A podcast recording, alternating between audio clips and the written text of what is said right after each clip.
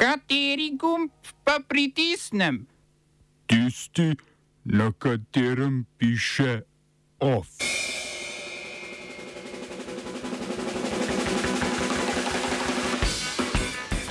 Indijsko notranje ministrstvo napovedalo deportacijo rohinjskih beguncev. Finska v zmanjšanje števila turističnih vizumov za ruske državljane. Janša spet pravnomočno obsojen, opravičiti se mora socialnim demokratom in jim plačati 10 tisoč evrov. Televizija Slovenija prekinja poslovno sodelovanje s tednikom Mladina.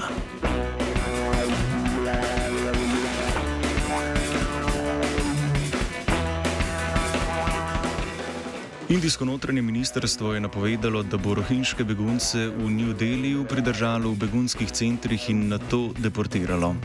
To je v nasprotju z izjavo ministra za mestno in stanovansko politiko Hrdipa Singapurja, ki je spremembo vladne politike do muslimanske manjšine iz Mjanmara napovedal le nekaj ur pred obvestilom notranjega ministrstva. Pur je na Twitterju sporočil, da jim bo vlada dodelila stanovanje v zahodnem New Delhiju, osnovne potrebščine in stalno policijsko varovanje. Nanašal se je na 1100 beguncev, ki živijo v New Delhiju. Sicer je v Indiji okrog 40 tisoč rohingov, ki so iz Mjanmara zbežali zaradi tega, ker jih vojska tam preganja. Izraelski predsednik vlade Jair Lapid je sporočil, da bosta Izrael in Turčija obnovila diplomatske odnose in v državi vrnila veleposlanike. Izrael je s Turčijo prekinil diplomatske odnose leta 2018, ko je izraelska vojska ubila več palestincev, ki so sodelovali na protestih na meji v Gazi. Na njih so protestniki zahtevali implementacijo begunskih pravic do vrnitve. Turški zunani minister Mevlut Čavušolu je napovedal, da bo turški veleposlanik v Tel Avivu branil pravice palestincev. Medtem ko se odnosi med Turčijo in Izraelom toplijo, pa se turško-sirski odnosi nadalje krhajo.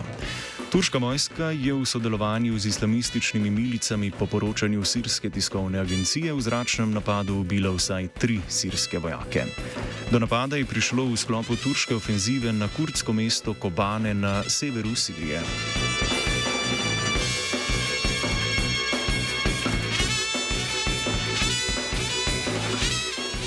Voljivci v ameriških zvezdnih državah Aljaska in Wyoming so na včerajšnjih primarnih volitvah izbirali kandidate strank za novembrske umestne volitve. Wyomingžani in Wyomingžanke so na ločenih primarnih volitvah za vsako stranko posebej izbirali strankarske kandidate za mesto guvernerja in eno mesto v predstavniškem domu. Obe mesti trenutno obvladuje republikanska stranka, kar se najverjetneje ne bo spremenilo tudi po novembrskih volitvah.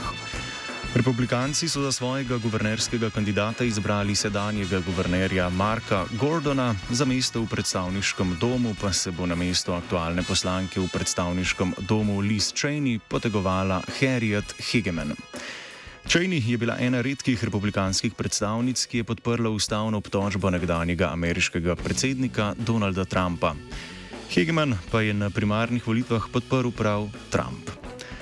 Na Aljaski so potekale enotne primarne volitve za obe stranki. Voljivci in voljivke so kandidate prvič izbrali s sistemom rangiranja kandidatov. Tako za mesto guvernerja, kot za mesto v predstavniškem domu se bodo za glasovnico uvrstile štirje najuspešnejši kandidati za vsako funkcijo. Glasovi še niso dokončno prešteti.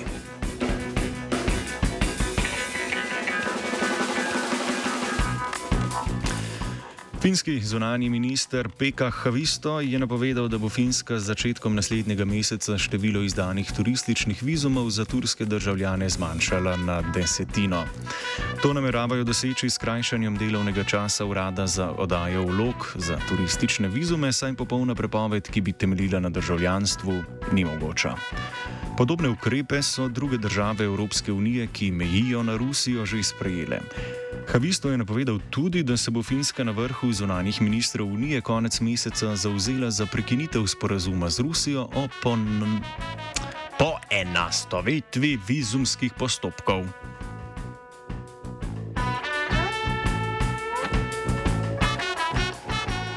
Nosilka liste italijanske levo-sredinske demokratske stranke v Furlaniji, Julijski krajini na septembrskih prečasnih parlamentarnih volitvah bo Tatjana Rojc.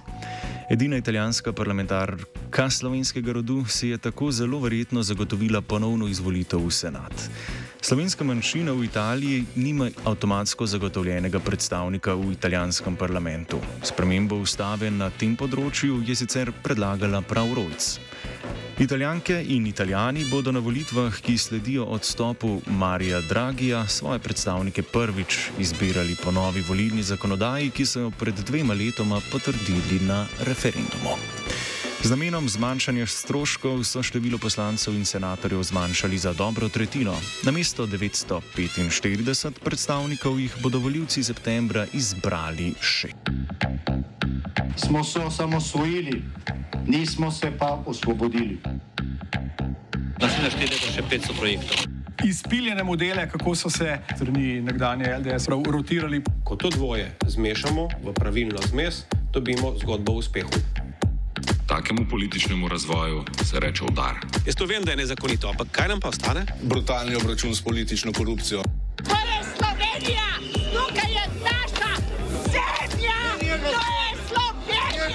Slovenija, Slovenija.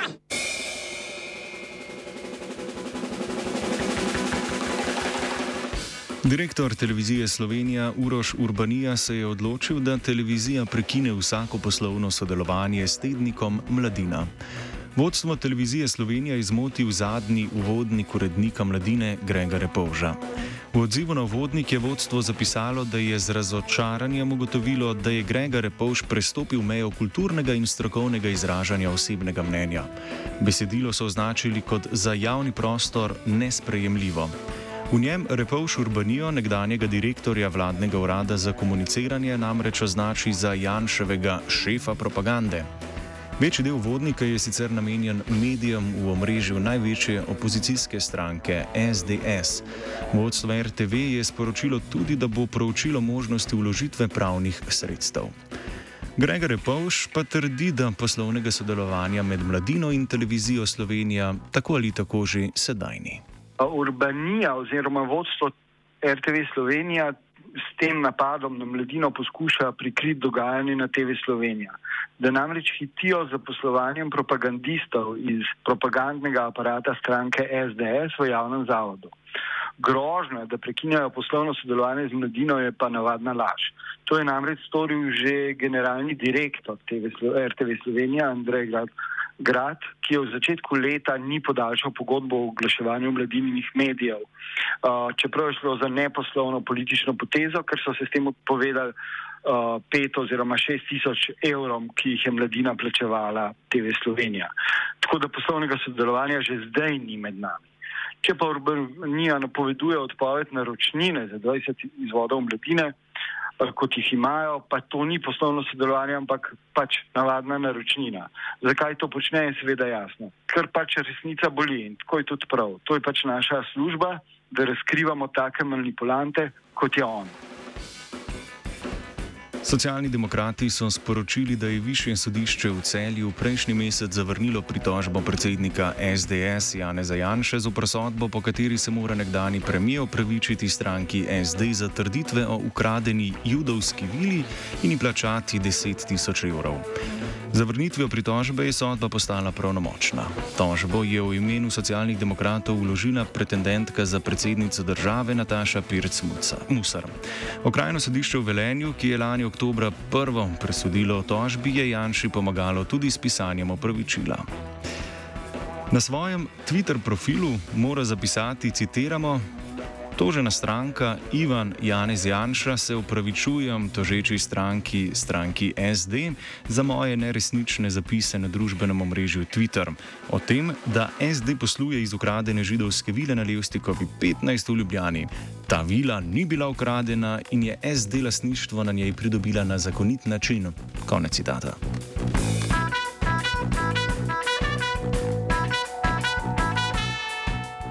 Upravna mreža za varstvo demokracije je vlado pozvala naj vloži tožbe proti ministrom prejšnje vlade, ki so po koncu mandata prejeli domestila za neizkoriščen dopust. V upravni mreži so prepričani, da ministri niso bili upravičeni do nadomestil, ki so si jih izplačali pred zadnji dan upravljanja funkcije. Prav tako predlagajo računskemu sodišču naj opravi revizijo vseh postopkov izplačilo. V upravni mreži menijo, da je odločba vladne komisije za administrativne zadeve in imenovanja, ki jo je vodil tedajni minister za kohezijo Zvonko Črnač, nična.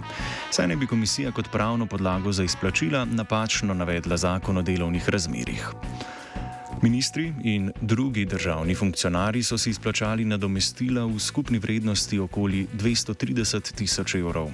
Najvišji nadomestili sta prejela nekdanja minister in ministrica Ranke stranke Modernega centra, Zdravko Počevalšek in Simona Kustac, ki zaradi prezaposlenosti z reševanjem življenj in obiska Tokija nista porabila več kot 50 dni dopusta. Državno odvetništvo pomeni, da funkcionarjem izplačilo za neizkoriščeni dopust po zakonu o delovnih razmerjih pripada in zato vladi tožbo nekdanjih ministrov odsvetuje. OF je pripravil Blaž.